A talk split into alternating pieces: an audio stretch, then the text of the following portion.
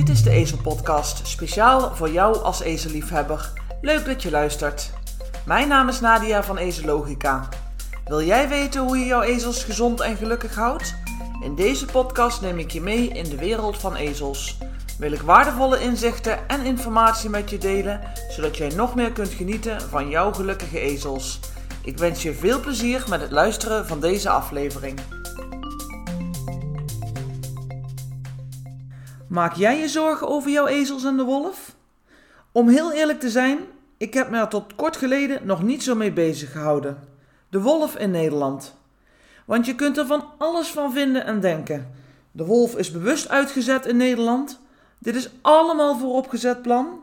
Het is de natuur en wolven moeten ook eten. We slachten iedere dag weet ik hoeveel dieren, dus waarom is dit nou een issue?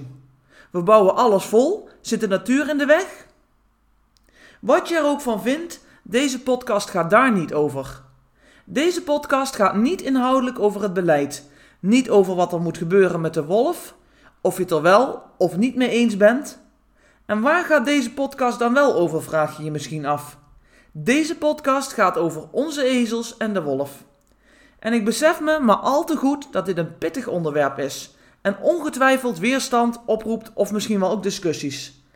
Maar dit weerhoudt mij er niet van om meer te delen over dit onderwerp. En in het kader van Doe eens lief laat ik jou in je waarde en ik hoop dat dat andersom ook zo is. Misschien ook een beetje egoïstisch, maar het was nog een ver van mijn bedshow.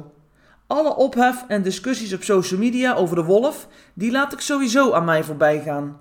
Ik kan mijn tijd wel beter besteden en wat ik zeker wil voorkomen, is dat ik door alle ophef mijn zorgen of extra zorgen ga maken.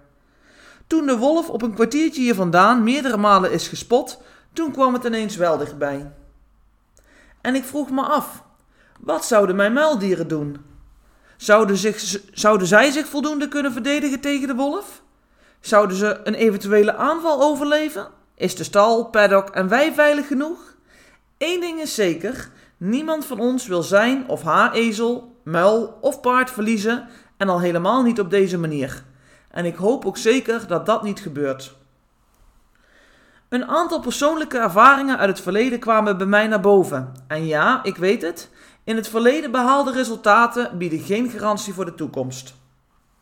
De ene keer dat mijn hond Kloen, een middelgroot formaat, onverwachts toch de muilenpaddock inliep. En ondanks dat alles echt goed is afgezet, liep ze mee naar binnen toen ik, volgens mij was het de kruiwagen, door het hek reed. Al snel kwam Kloen tot de conclusie dat dit echt geen handige actie van haar was. Ze had namelijk drie muilen achter haar aan en het was allesbehalve een hartelijk welkom. Oren plat in de nek, hals gestrekt, mond open en strak getrokken.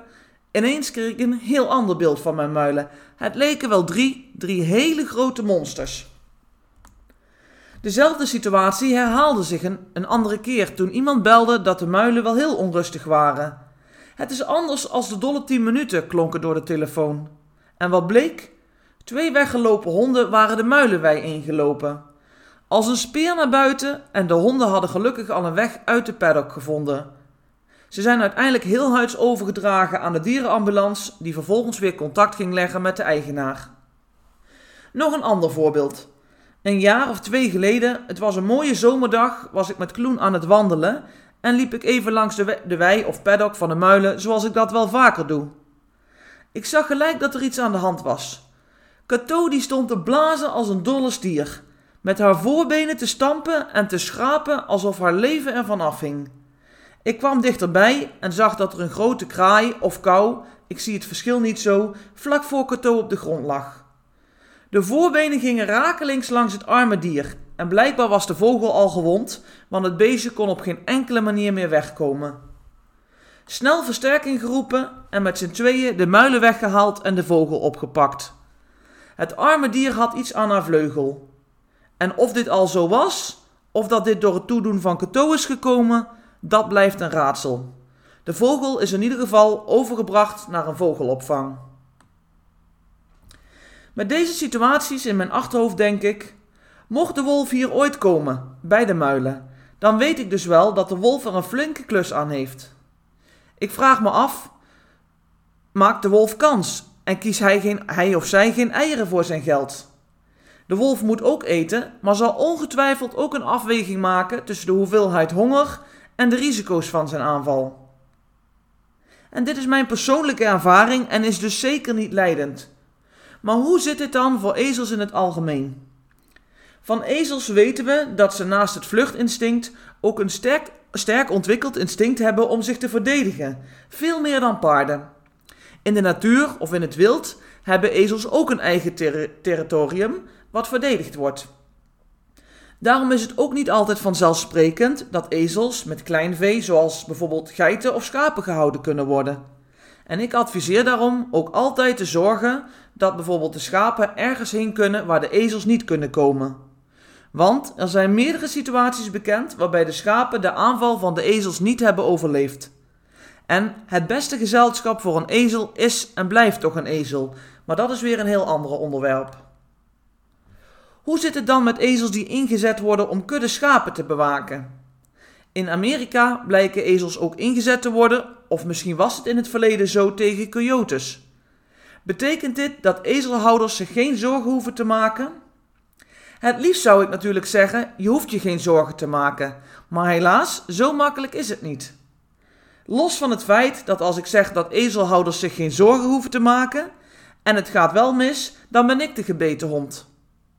Ik denk dat het antwoord op deze vraag niet met een eenduidig antwoord te geven is. Een veilig antwoord, maar ook een reëel antwoord. En waarom? Dat ga ik je uitleggen.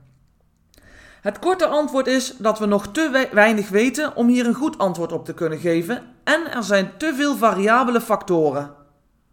Het uitgebreide antwoord is natuurlijk langer. Hebben we het over een mini-ezel, over de Poitou, de Franse reuzenezel of is het een tussenmaat? Wat is de leeftijd en gezondheid van de ezels? In hoeverre reageren ezels nog op vreemde dieren in de omgeving? Reageren jouw ezels zoals mijn muilen? Dan zou ik denken dat je je minder zorgen moet maken. Vinden jouw ezels alles leuk en kijken ze niet op of om als er een vreemde hond in de wei loopt of tegen het hek opspringt? Dan is er misschien een reden om iets meer alert te zijn. En wat zijn de factoren, de voorwaarden, die doen besluiten om een ezel als bewaking in te zetten bij bijvoorbeeld een kudde schapen?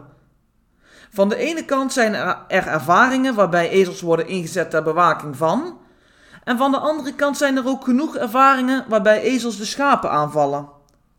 Wat maakt de ene situatie dat de ezel ingezet wordt als bewaker? En wat maakt de andere situatie dat de ezel in de rol zit als aanvaller? Kortom, genoeg vragen en genoeg open eindjes als je het mij vraagt. Betekent dit dat ik ondanks het gedrag van mijn muildieren mij geen zorgen maak? Nee, maar misschien wel minder dan gemiddeld en ik ga zeker weten kritisch kijken naar de huisvesting van mijn muilen. Voor het welzijn van dit trio is het echt geen optie om ze s'nachts op te sluiten in een stal. Het s'nachts binnenzetten neem ik in mijn geval niet eens mee als overweging. Ze hebben een grote in- en uitloopstal, maar staan veel buiten. Binnenzetten zou zo ongelooflijk veel stress, spanning en ongemak met zich meebrengen. De harde uitloop van de muilen is afgezet, afgezet met betongaas en stroomdraad. No way dat hier een wolf doorheen komt. Hooguit eroverheen. De hoogte van de omheining zou met ongeveer 120 centimeter voldoende moeten zijn. Dit is in ieder geval de minimale hoogte die geadviseerd wordt. De paddock is een punt van aandacht. Een lange zijde, oké, wel aan de slootkant, zou toegankelijk kunnen zijn.